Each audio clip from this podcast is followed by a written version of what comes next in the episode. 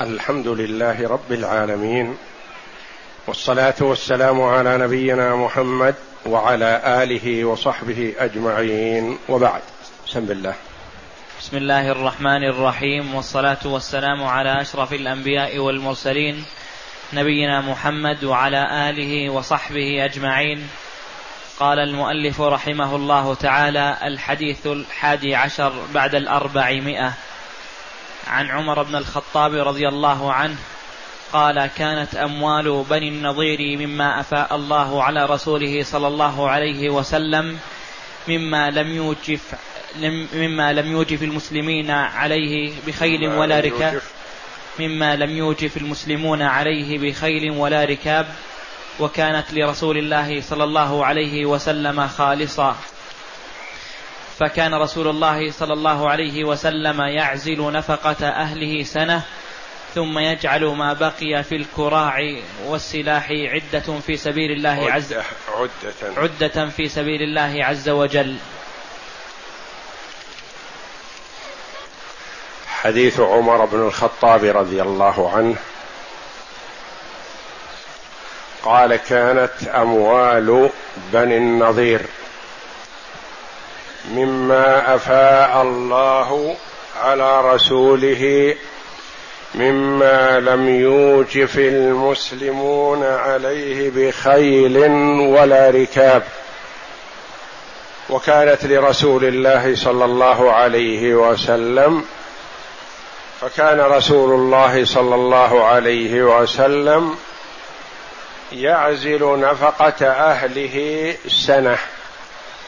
ثم يجعل ما بقي في الكراع والسلاح عدة في سبيل الله عز وجل.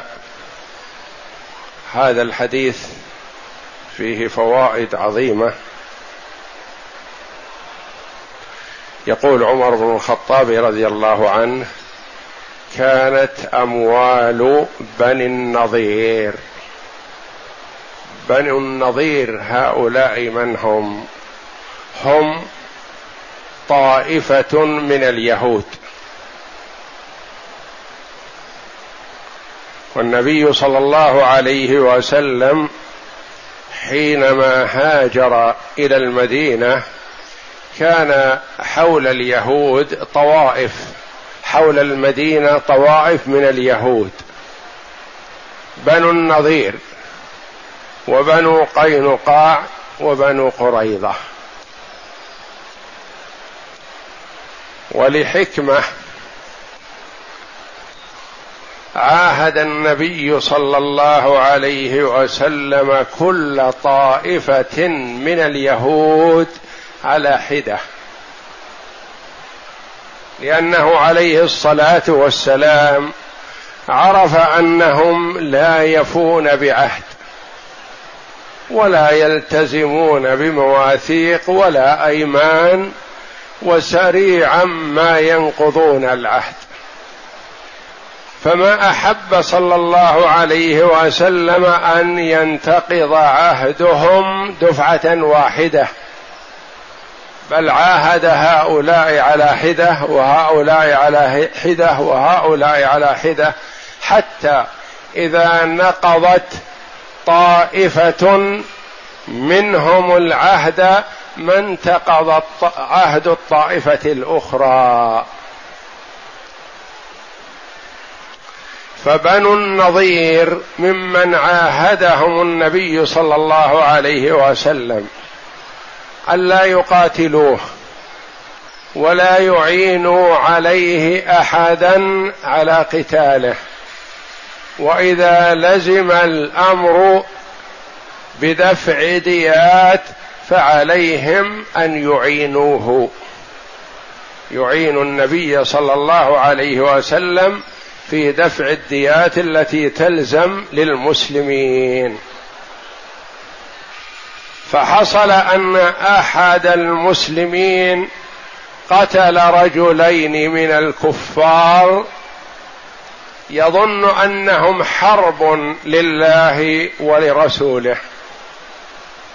وجماعتهم قد آذوا المسلمين وقتلوا منهم من قتلوا. ففرح بهذين الرجلين وقتلهما. فإذا معهما أمان من النبي صلى الله عليه وسلم. فالتزم النبي صلى الله عليه وسلم بدفع ديتهما.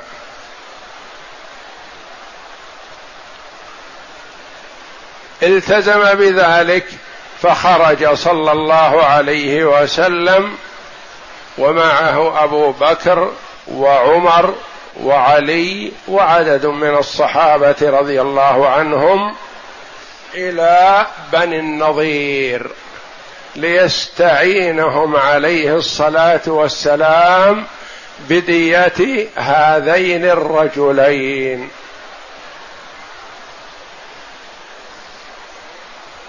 فعرض لهم ذلك فقالوا نحقق ما تطلب يا أبا القاسم. انتظر حتى نجمع لك ما تريد. وهم أهل الغدر والخيانة والكذب وتدبير المؤامرات. وإلا فإنهم في مجال المواجهة جبنا. لا احد أجبن منهم في المواجهة لكنهم في الخفاء يحيكون ال... ويدبرون المؤامرات وينقضون العهد. فلما جلس النبي صلى الله عليه وسلم تحت جدار من أبنيتهم نادى بعضهم بعضا وقالوا قد مكنا من هذا الرجل. الآن هو عندنا. ونستطيع أن نفتك به وننهي أمره.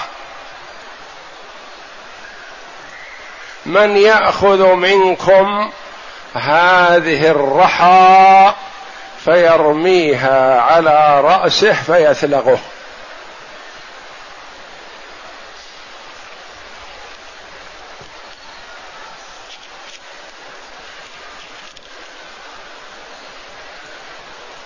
فقال أشقاهم عمرو بن جحاش.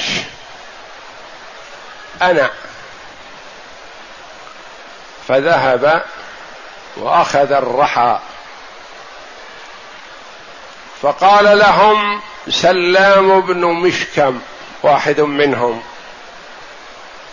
لا تفعلوا فوالله ليخبرن بما هممتم به.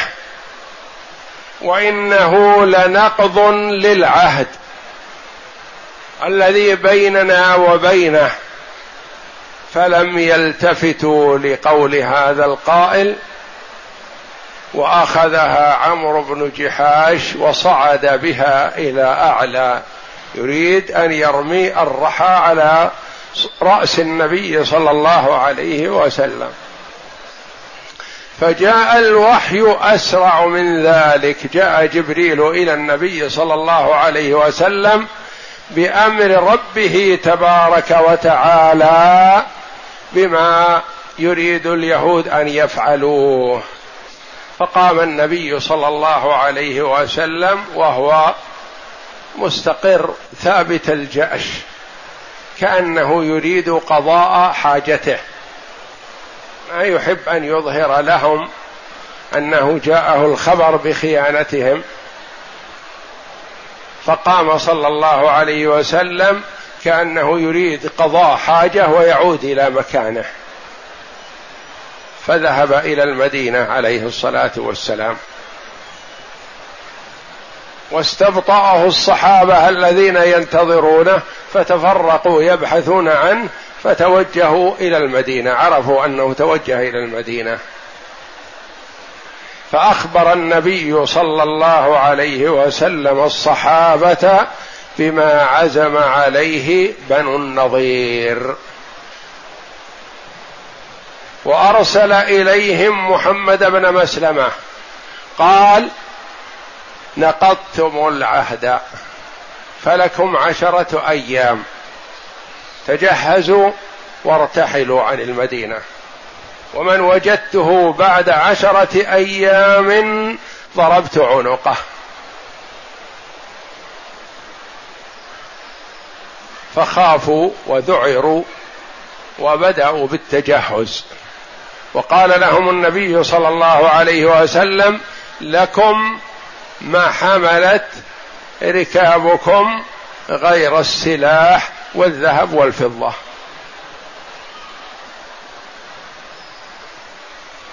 فأخذوا في الجهاز لينتقلوا. فأرسل إليهم عبد الله بن أبي بن سلول رأس المنافقين.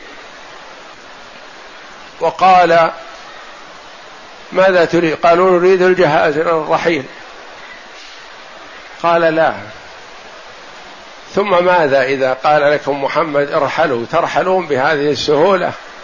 أنا عندي ألف ألفي مقاتل. أرسله لكم أرسلهم لكم يدخلون معكم. ويقاتلون معكم. وكذلك بعض العرب ستعاونكم مثل قطفان وغيرها. فاثبتوا على ما أنتم عليه. ولا تبالوا بمحمد وبقوله. فأرسل كبيرهم حيي بن أخطب اغتر بهذا الكلام من عبد الله بن أبي رأس المنافقين وأرسل للنبي صلى الله عليه وسلم يقول له لن نرتحل واصنع ما بدا لك.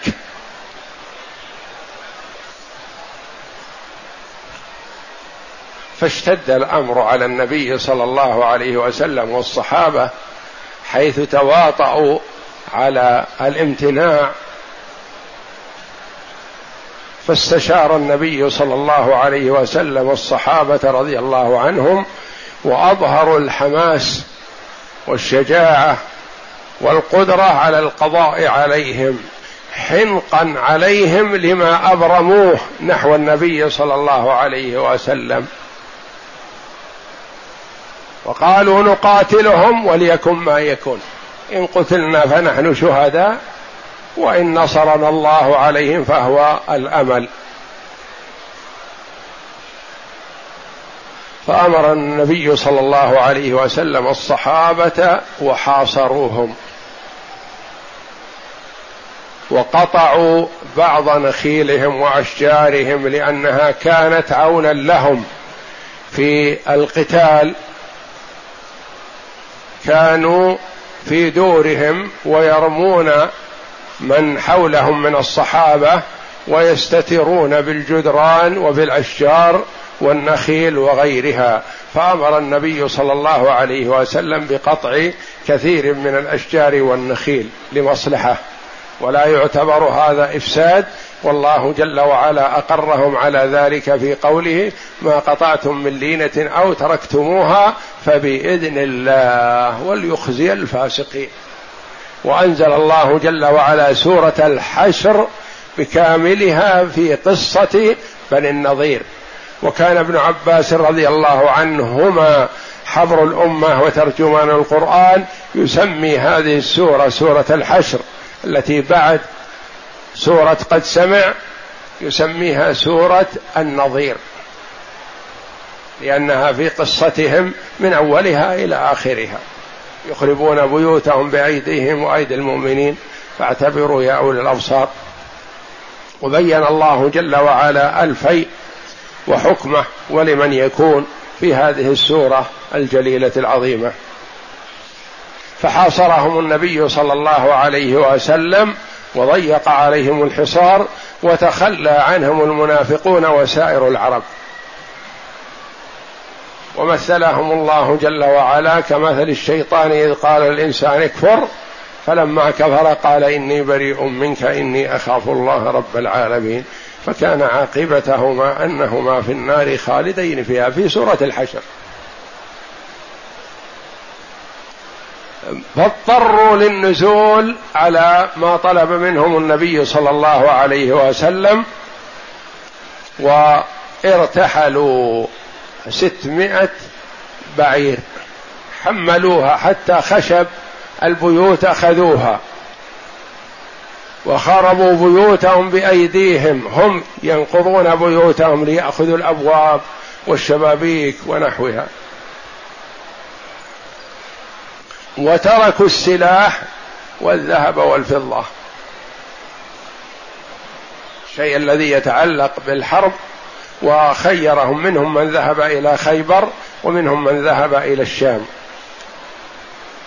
وزعيمهم حيي بن أخطب الذي خان مرة ثانية في خيبر وحاصرهم النبي صلى الله عليه وسلم ونصره الله عليهم بعد صلح الحديبية.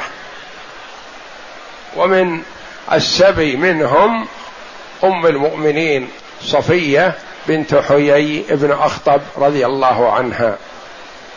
كانت من السبي. فاصطفاها النبي صلى الله عليه وسلم لنفسه واعتقها وتزوجها عليه الصلاة والسلام. فكانت إحدى أمهات المؤمنين. رضي الله عنهن.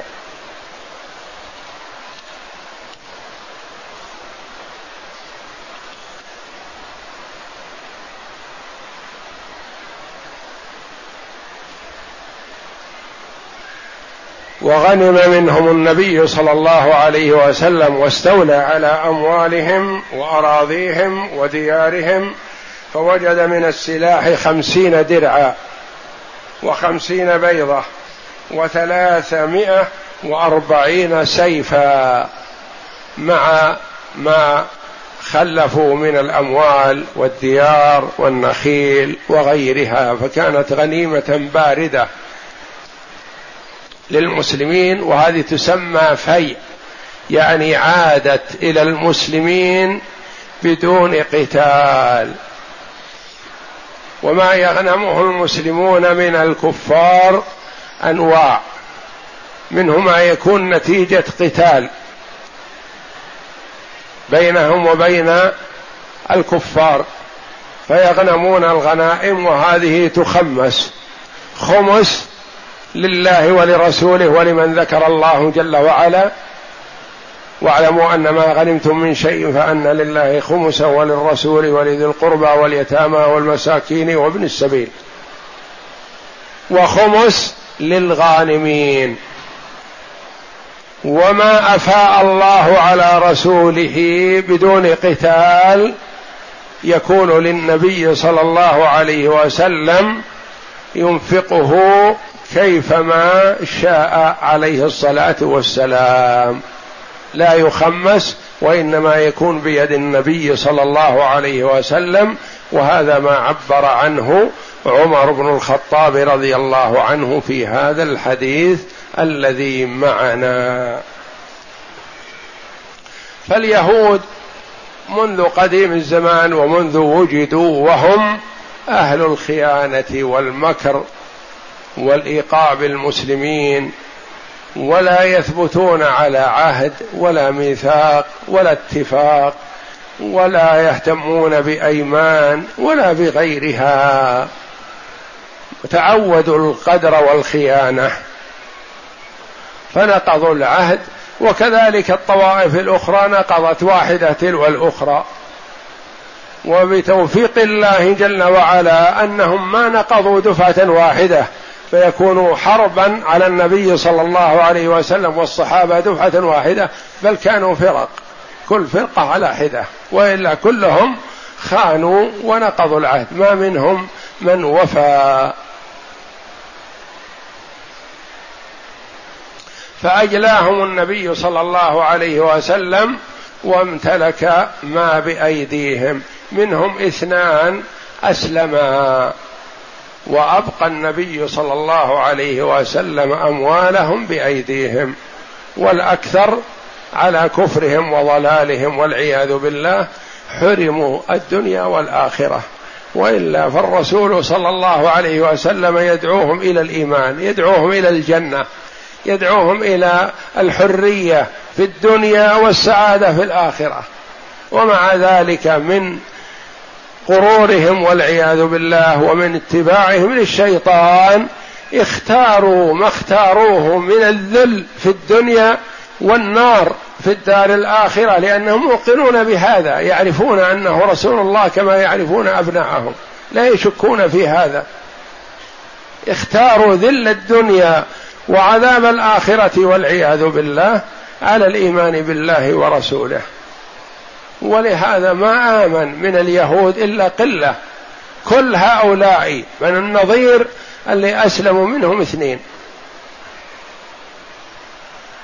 وكلهم طردوا من المدينة. منهم من ذهب إلى خيبر كحيي بن أخطب ومن معه. ومنهم من ذهب إلى الشام. ومنهم تفرقوا في البلاد. على كفرهم وضلالهم.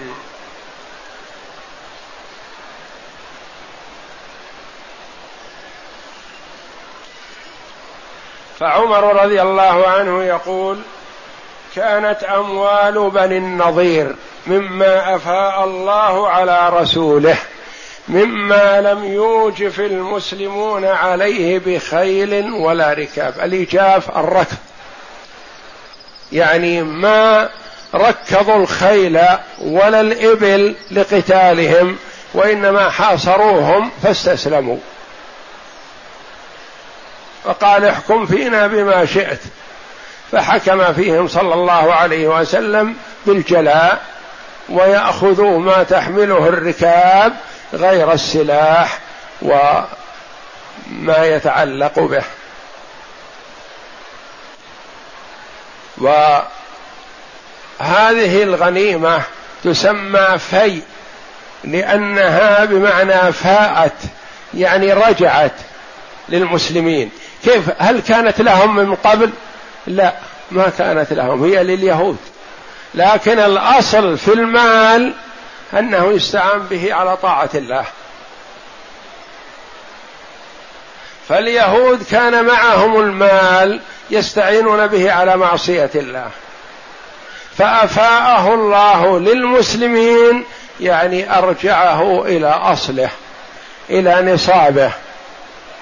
أرجعه إلى ما كان ينبغي أن يكون عليه. بدل ما كان بأيدي اليهود أرجعه الله جل وعلا. جعله بأيدي المسلمين يستعملوه في طاعة الله. والأصل في كل مال لأن الأرض أرض الله والمال مال الله جل وعلا فهو عارية بيد المرء يستعين به على الطاعة.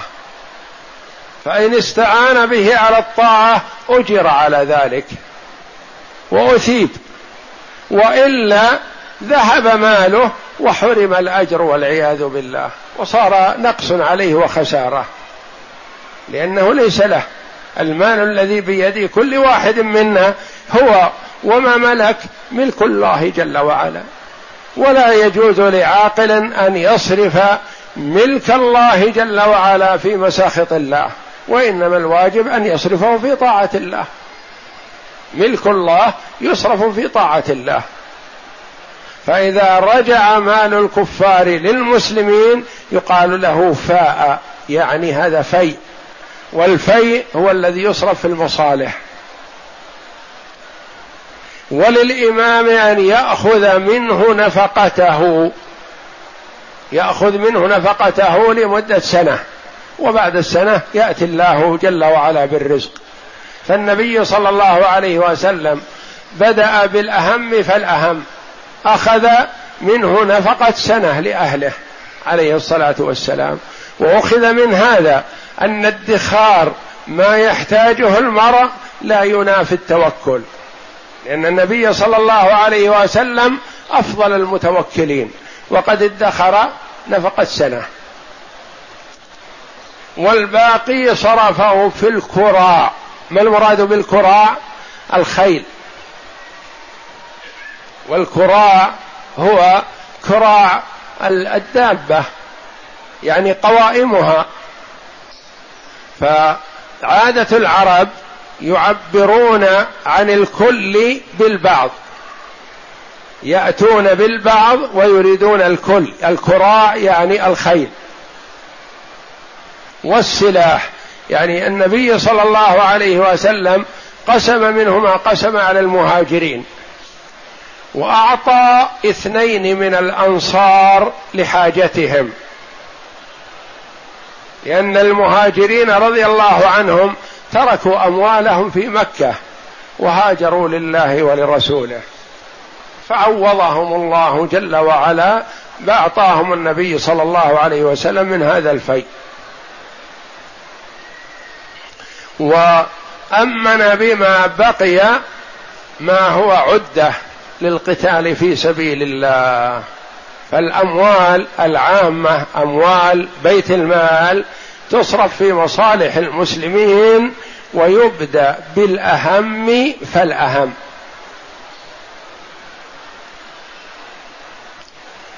وفهمنا من هذا أن الغنائم نوعان. غنيمة نتيجة قتال. كالغنيمة مثلا في بدر. غنم النبي صلى الله عليه وسلم مغانم كثيرة في بدر. والغنيمة في قتال أهل خيبر. إنها نتيجة قتال. وغنائم بالقتال حصلت.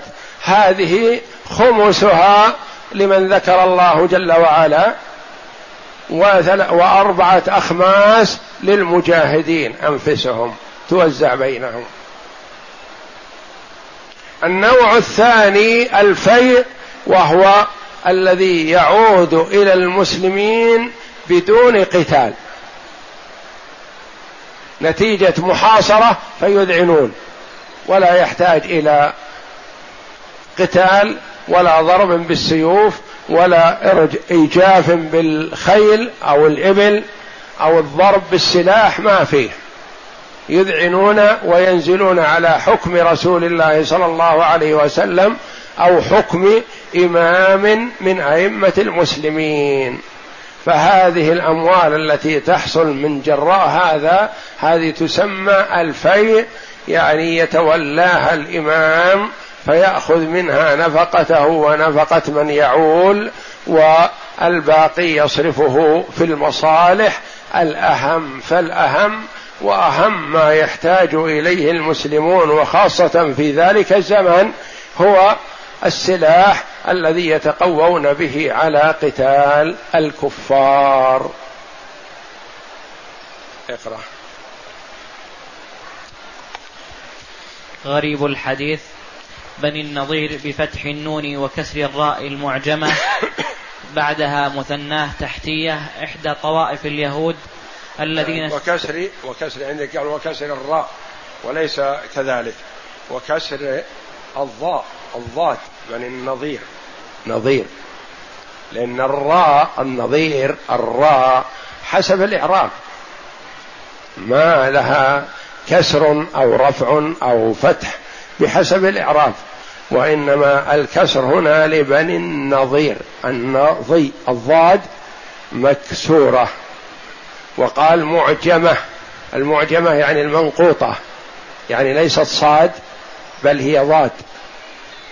ودائما إذا قال بالصاد المعجمة يعني المنقوطة. بفتح النون. بني النظير بفتح النون. بني النظير بفتح النون وكسر الضاء. بعدها مثناة. كسر الضاد المعجمة. هي الضاد المعجمة. أما الراء ما تسمى معجمة. الراء ما فيها نقطة. نعم. وكسر الضاد المعجمة بعدها مثناة تحتية. مثناة الياء. مثناة تحتية يعني ياء. مثناة فوقية يعني التاء. لأن التاء بنقطتين فوق والياء مثنات تحتية بنقطتين من تحت. إحدى طوائف اليهود الذين سكنوا قرب المدينة فوادعهم إحدى طوائف اليهود لأن اليهود طوائف متعددة نعم. فوادعهم النبي صلى الله عليه وسلم بعد قدومه على ألا يحاربوه ولا يعينوا عليه فنكثوا العهد كما هي عادة اليهود فحاصرهم حتى نزلوا على الجلاء على أن لهم ما حملت نزلوا أول على الجلاء ثم غرهم المنافقون فنقضوا وقالوا اعمل ما شئت يا محمد. أرسل حيي بن أخطب زعيمهم قال لن نرتحل فاعمل ما شئت. فأعانه الله جل وعلا أعان الله رسوله عليهم وحاصرهم وتخلى عنهم المنافقون كما ذكر الله جل وعلا في صدر السورة. فسوره الحشر إذا تأملتها وجدتها تبين لك قصة بني النظير من أولها إلى آخرها. ألم تر إلى الذين نافقوا يقولون لإخوانهم الذين كفروا من أهل الكتاب لئن أخرجتم لنخرجن معكم. وإن قتلتم لننصرنكم. والله يشهد إنهم لكاذبون. لئن أخرجوا لا يخرجون معهم ولئن قتلوا لا ينصرونهم. ولئن نصروهم ليولن الأدبر ثم لا ينصرون. اقرأ سورة الحشر وتأملها واضحة في قصة بني النظير من اليهود عليهم لعنة الله. على أن لهم ما حملت إبلهم غير السلاح مما أفاء الله الفيء الرجوع. سمي به المال الذي أخذ من الكفار بغير قتال لأنه رد لمصالح المسلمين. الإيجاف الإسراع في السير. يعني ما قاتل عليه المسلمون ما حصل إلى إيجاف تركيض الخيل والإبل للقتال ما حصل. الركاب بكسر الراء وهي الإبل. الكراع بضم الكاف وفتح الراء بعدها ألف ثم عين اسم للخيل قال ابن فارس. فأما تسميتهم الخيل كراعا فلأن العرب تعبر عن الجسم ببعض أعضائه. لأن الكراع جزء من جسم الخيل. نعم. المعنى الإجمالي لما قدم النبي صلى الله عليه وسلم المدينة مهاجرا وجد حولها طوائف من اليهود فوادعهم وهادنهم على أن يبقيهم على دينهم ولا يحاربوه ولا يعين عليه عدوا. فقتل رجل من الصحابة يقال له عمرو بن أمية الضمري. عمرو بن أمية الضمري. قتل اثنين من الكفار. كان النبي أعطاهم أمان وهو لا يدري عن هذا رضي الله عنه لأن جماعتهم فتكوا بعدد من المسلمين فلما ظفر بهذين الاثنين فرح بهم وقتلهم من باب الأخذ بالثار. فإذا بهم معهم عهد من النبي صلى الله عليه وسلم فوداهم عليه الصلاة والسلام. رجلين من بني عامر يظنهما من أعداء المسلمين فتحمل النبي صلى الله عليه وسلم دية الرجلين وخرج إلى قرية بني النضير يستعينهم على الديتين. ومن المعلوم أن الديتين الدية مئة من الإبل في ذلك الوقت. فكان يلزم النبي مئتين من الإبل فذهب إلى اليهود ليستعينهم لأن عندهم أموال وكان الاتفاق بينهم وبين النبي على أنهم يعينوه في النوائب. فبينما هو جالس في أحد أسواقهم ينتظر إعانتهم إذ نكثوا العهد وأرادوا احتبال فرصة قتله. فجاءه الوحي من السماء بغدرهم فخرج من قريتهم موهما لهم وللحاضرين من أصحابه أنه قام لقضاء حاجته. وتوجه إلى المدينة فلما أبطأ على أصحابه خرجوا في أثره فأخبرهم بغدر, بغدر اليهود قبحهم الله تعالى وحاصرهم في قريتهم ستة أيام حتى تم الاتفاق على أن يخرجوا إلى الشام والحيرة وخيبر. فكانت أموالهم فيئا باردا حصل بلا بارد يعني بدون قتال. نعم. حصل بلا مشقة تلحق المسلمين إذ لم يوجفوا عليه بخيل ولا ركاب. فكانت أموالهم لله ولرسوله يدخر منها قوت, قوت أهله سنة ويصرف يدخر منها يدخر, يدخر منها قوت أهله سنة ويصرف الباقي في مصالح المسلمين العامة وأولها في ذلك الوقت أولاها أولاها يعني أهمها. وأولاها في ذلك الوقت عدة الجهاد من الخيل والسلاح ولكل وقت ما يناسبه من المصارف للمصالح العامة. ما يستفاد من الحديث الأول أن أموال بني النضير صارت فيئا لمصالح المسلمين العامة إذ حصلت بلا كلفة ولا مشقة تلحق المسلمين المجاهدين. فكل ما كان مثلها مما تركه الكفار فزعا من المسلمين أو صولحوا على أنها لنا والجزية والخراج فهو لمصالح المسلمين العامة. الثاني يكون للإمام منه ما يكفيه ويكفي من يمون. الثالث وأن يتحرى الإمام في صرف الفيء وبيت مال المسلمين المصالح النافعة ويبدأ بالأهم فالأهم ولكل وقت ما يناسبه. الرابع جواز الادخار القوت وأنه لا ينافي التوكل على الله تعالى فإن النبي صلى الله عليه وسلم أعلى المتوكلين وقد ادخر قوت أهله. والله أعلم. وصلى الله وسلم وبارك على عبده ورسول نبينا محمد وعلى آله وصحبه أجمعين.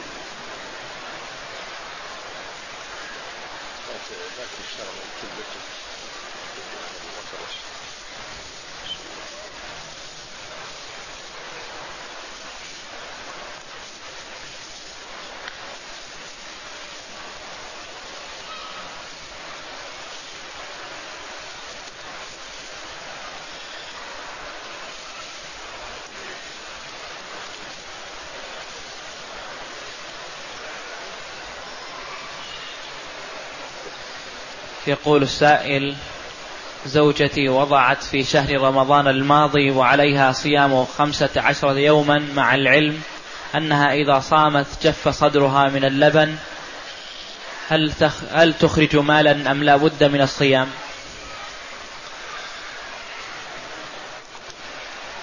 من أفطر في رمضان لمرض أو سفر أو المرأة في حال حيض أو نفاس وجب عليهم القضاء. ولا يجوز الأطعام إلا في حال اليأس من القضاء مستقبلا. فالمرأة مثلا شق عليها الصيام أو إذا صامت القضاء انقطع اللبن عن الرضيع فلا حرج عليها تفطر وتستمر في فطرها طول السنة ولو أخرت إلى أكثر من سنة ما دام أن التأخير لعذر. اولا أن التأخير إلى شعبان هذا لا إشكال فيه بعذر أو بدون عذر من شوال إلى شعبان هذا كل وقت للقضاء. فإذا أتاها رمضان الآخر وهي لم تقضي فلا يخلو. إن كان التأخير لعذر كحال هذه المرأة فلا شيء عليها سوى القضاء بعد رمضان الآخر. وإن كان التأخير لغير عذر فعليها مع القضاء إطعام مسكين. من الذي لا يلزمه القضاء وإنما عليه الإطعام؟ إذا أيس من القدرة على القضاء كالمريض أو من به مرض ما يستطيع معه الصيام يعطش ينشف ريقه هذا يفطر. ثم إن كان يأمل القدرة على القضاء في فصل دون فصل فيؤخر القضاء إلى الفصل الذي يستطيع فيه القضاء كفصل الربيع أو فصل الشتاء ونحو ذلك. فإذا قرر طبيبان مسلمان أو عرف من نفسه أنه ما يستطيع القضاء مستقبلا فحينئذ يطعم عن كل يوم مسكين. أما إذا كان يأمل القدرة على القضاء ولو بعد سنة أو أقل أو أكثر فينتظر حتى يقضي. فهذه المرأة ما تستطيع القضاء الآن لكن يؤمل أن تستطيع في المستقبل. فتقضي متى ما قدرت ولا حرج عليها. ولا يجوز عنها الإطعام. إنما الإطعام عمن أيس من القدرة على القضاء.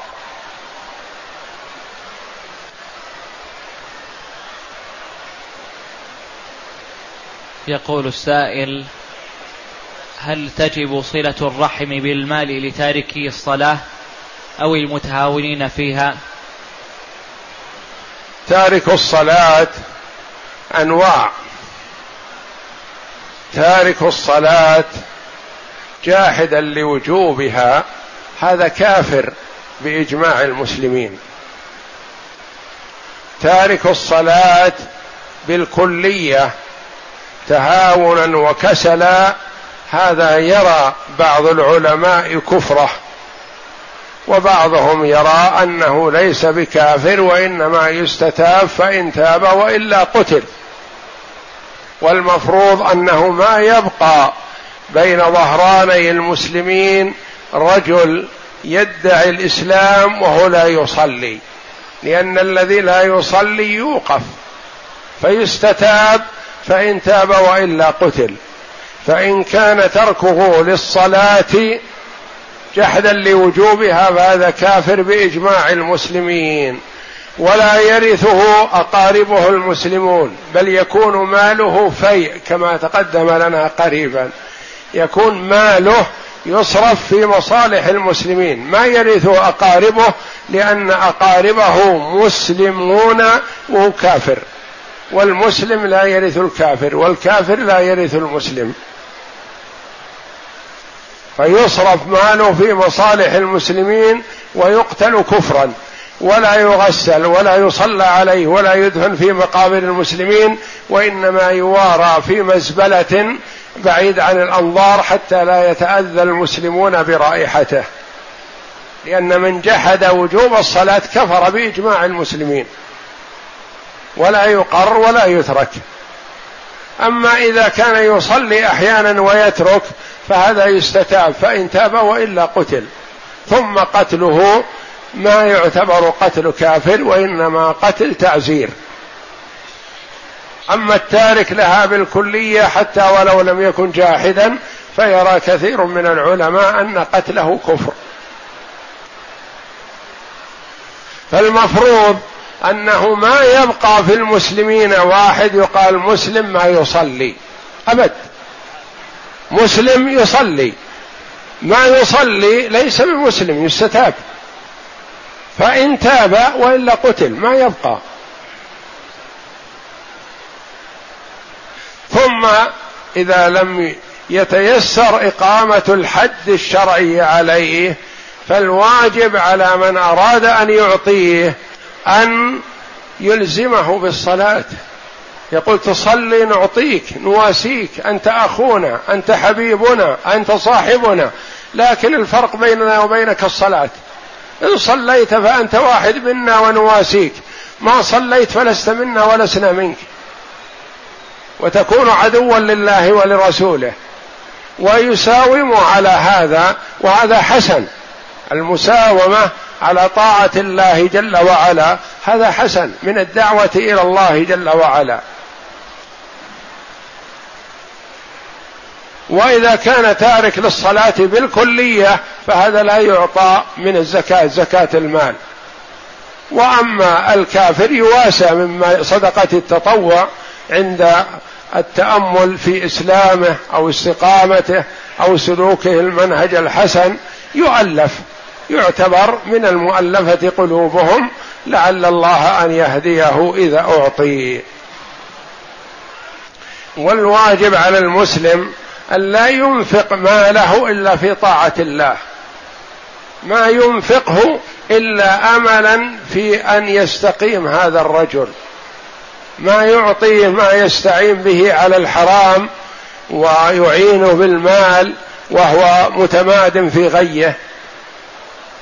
المفروض أن يكون صرف المال في مرضاة الله جل وعلا.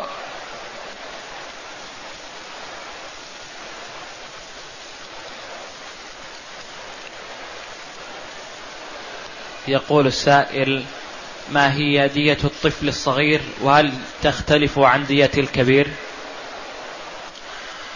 الدية ما تختلف.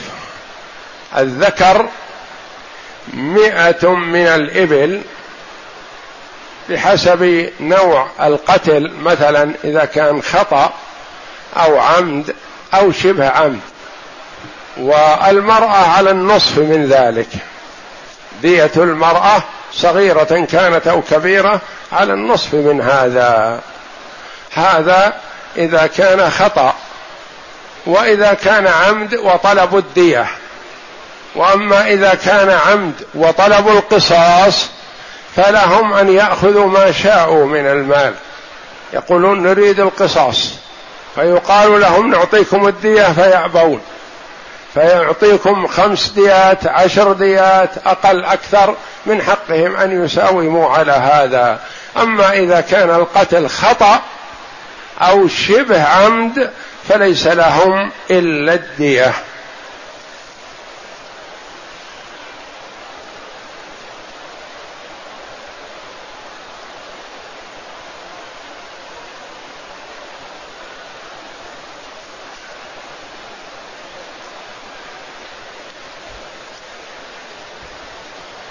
يقول السائل استدن سائلة تقول استدنت من الناس ومع أني قادرة إلا, إلا أنني أتهاون, أتهاون في السداد وبقي للبعض علي حقوق ولكن أصبحت غير قادرة على السداد. فأصحاب الديون يدعون علي هل تقبل دعوتهم؟ نعم. واتق دعوة المظلوم فإنه ليس بينها وبين الله حجاب لأنها تقول إنها كانت قادرة على السداد فما طلت ولم تسدد فعاقبها الله بأن أصبحت غير قادرة على السداد وتسلط عليها أصحاب الحقوق يدعون عليها والنبي صلى الله عليه وسلم يقول لمعاذ رضي الله عنه حينما أرسله إلى اليمن ليقبض زكاتهم وليعلمهم ويفقههم قال واتق دعوة المظلوم فإنه ليس بينها وبين الله حجاب. فعليك أن تحرصي على السداد وتسارعي في براءة الذمة. فمن أخذ أموال الناس يريد أداءها أداها الله عنه. ومن أخذ أموال الناس يريد إتلافها أتلفه الله.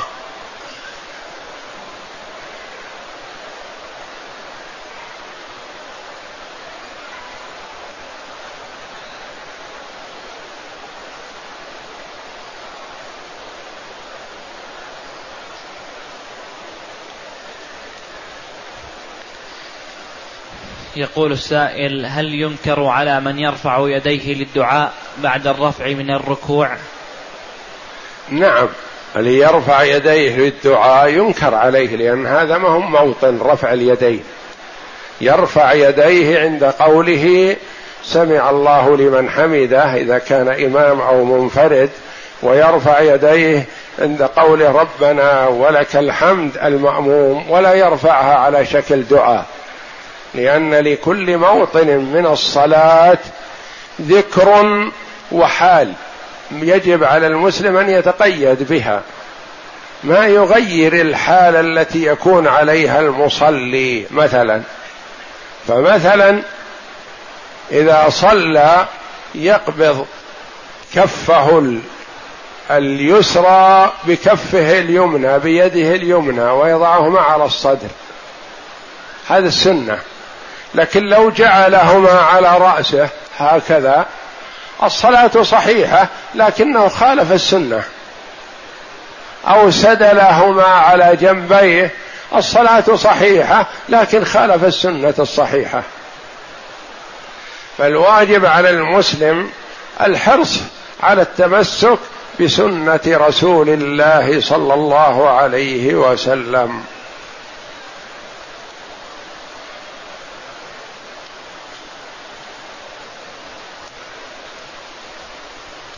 يقول السائل أصلي الظهر في الحرم مع الإمام في الجماعة وأنا مسافر بعد الظهر.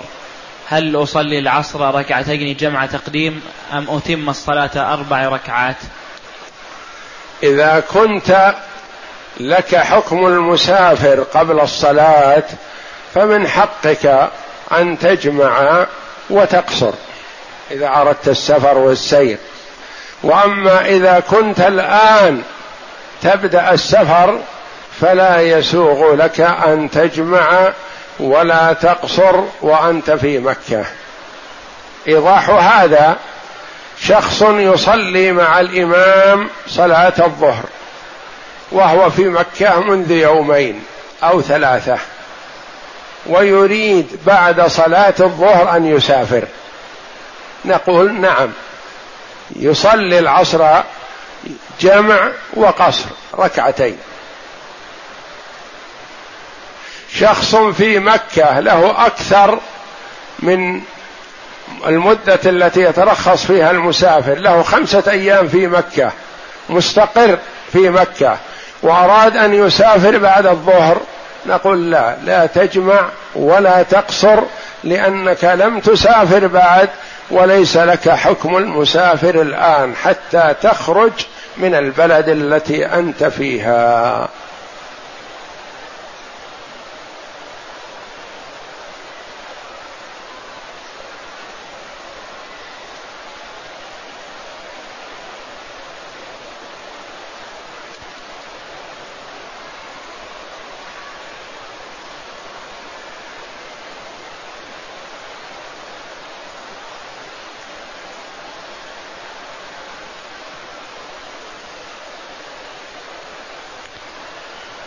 يقول السائل سمعنا منكم علما بأنه لا بأس على المأموم من قلب شماغه إذا حول الإمام رداءه. هل ينطبق ذلك على الإمام إذا لم يكن لديه رداء؟ ما كان على الرأس أو على الكتفين فله حكم الرداء. وهذه سنة من سنن الاستسقاء والحمد لله. فإذا قلب ما على رأسه أو ما على كتفيه فحسن وإذا لم يفعل فلا حرج. ليس هذا ركن من الأركان ولا واجب من الواجبات وإنما تفاؤل بأن يحول الله جل وعلا الحال من الضيق والقحط إلى السعة والرغد والخير.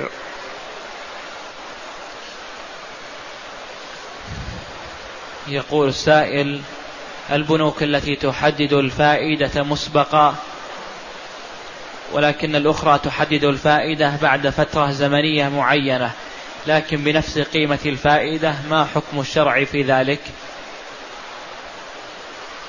المضاربة الأصل أنه ما فيه تحديد ربح معين لا يدرى أنت تعطي الدراهم صاحبك فرد أو مؤسسة أو شركة أو أي شيء من الجهات التي تعمل يعملون بدراهمك وتتفق وإياهم على أن ما يقسم الله من ربح لك منه كذا ولهم كذا.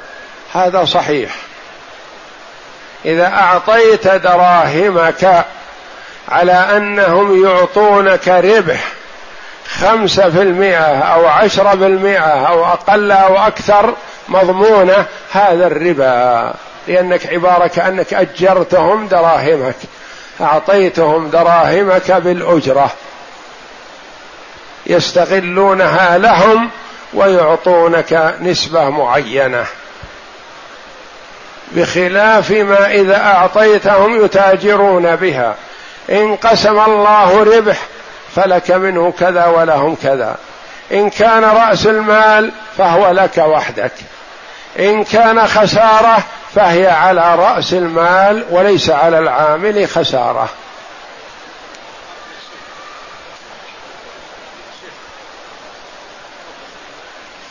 يقول السائل ما مشروعية العقيقة وكيف توزع؟ العقيقة سنة مؤكدة. من كان عنده يسار وقدرة فيخلف الله له. يعق عن الغلام عن الذكر شاتان وعن الجارية البنت الأنثى شاة واحدة. ويستحب أن يفعل بها كما يفعل بالأضحية. توزع اثلاثا ثلث لأهل الدار وثلث يهدى وثلث ليتصدق به على الفقراء. فإن أكلها إلا القليل تصدق به فلا بأس ولا ينبغي أن يحرم الفقراء منها. أو أعطاها كلها للفقراء فلا بأس.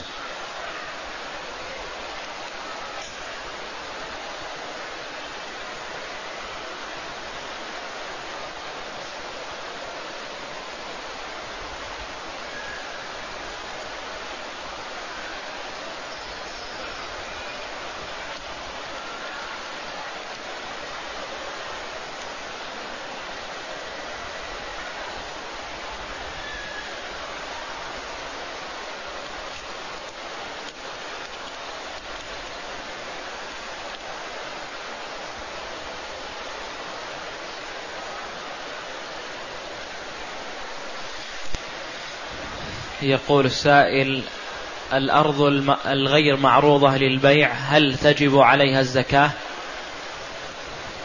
هذا لا يخلو. إن كانت معدة للتجارة لو ما عرضت للبيع هذه فيها الزكاة. وإن كانت معدة للبناء ولا يريد بيعها ولا يفكر في بيعها وإنما يريدها حتى يصلها البنيان فيبني بها سكن أو يبني بها استراحة. أو يعمرها آه، نخيل وأشجار ونحو ذلك. هذه ما فيها زكاة. إذا اشتراها برخص وقال إن شاء الله بعد خمس سنين أو عشر سنين تجيب كذا. نقول هذه للتجارة حتى لو لم يعرضها للبيع.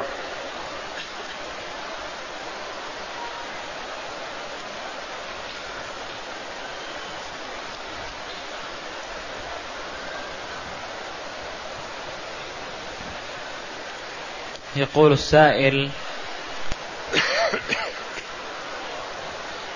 نرجو شرح الحديث لا ينطلق حتى يجد صوتا أو ريحا. هذا الذي في صلاته يحس أنه انتقض وضوءه. نقول لا ينصرف من صلاته حتى يتأكد يعني يسمع صوت ما يخرج منه أو يجد الريح. وهذا عبارة عن التأكد يعني أنه متأكد أنه انتقض وضوءه. أما إذا كان يحس بشيء من الحركة ونحو ذلك فلا لأنه جاء في الحديث أن الشيطان يأتي إلى مقعدة أحدكم فيفتل بين شعرتين فيخيل للإنسان أنه أحدث وهو لم يحدث. فلا ينصرف يعني حتى يتأكد.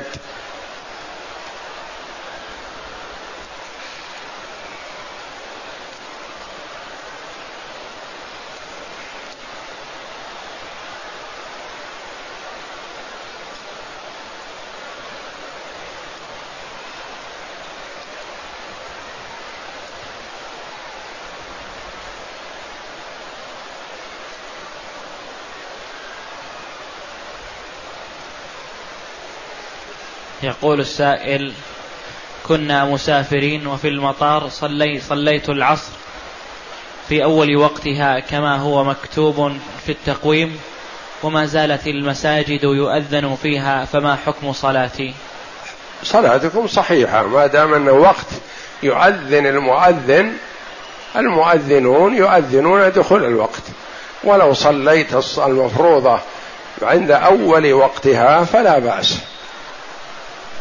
ولكن لا ينبغي الاعتماد على التقويم في كل شيء لأنه قد يقدم أو يؤخر وإنما هو تقريبي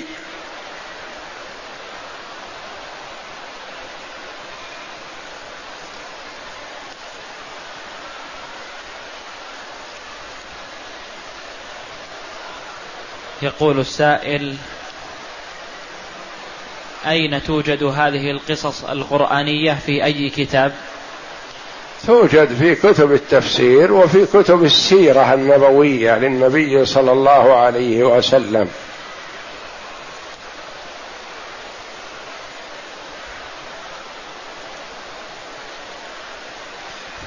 يقول السائل هل لطواف التطوع صلاة ركعتين وهل يلزم أن تكون خلف مقام إبراهيم؟ يستحب لأي طواف أن تصلي ركعتين استحبابا لا وجوبا. وإذا تيسر وكانت خلف المقام فحسن وإذا لم تيسر ففي أي مكان من المسجد وإذا لم يتيسر أو أردت أن تصليها في البيت فلا بأس أو في الطريق إن كنت مسافر فلا بأس. يعني لو طفت وخرجت على نية أنك تصلي سنة الطواف في البيت فلا بأس. أو تصليها بعدما تركب السيارة وتسير تصليها في الطريق فلا بأس عليك. يقول السائل هل الطواف عن والد المتوفى؟ محل خلاف بين العلماء في الطواف عن الغير والأولى أن تطوف عن نفسك وتدعو لمن أحببت. يقول توفي رجل عن زوجة وسبع بنات وأم وشقيقتين وأخ لأب وأخت لأب وابن أخ لأب فكيف تقسم التركة؟ للزوجة الثمن لوجود الفرع الوارث ولسبع البنات لهن الثلثان وللأم السدس والباقي للشقيقتين والأخوات إن تكن بنات فهن, فهن معهن معصبات والأخ لأب والأخت لأب وأبناء الأخ لأب ليس لهم شيء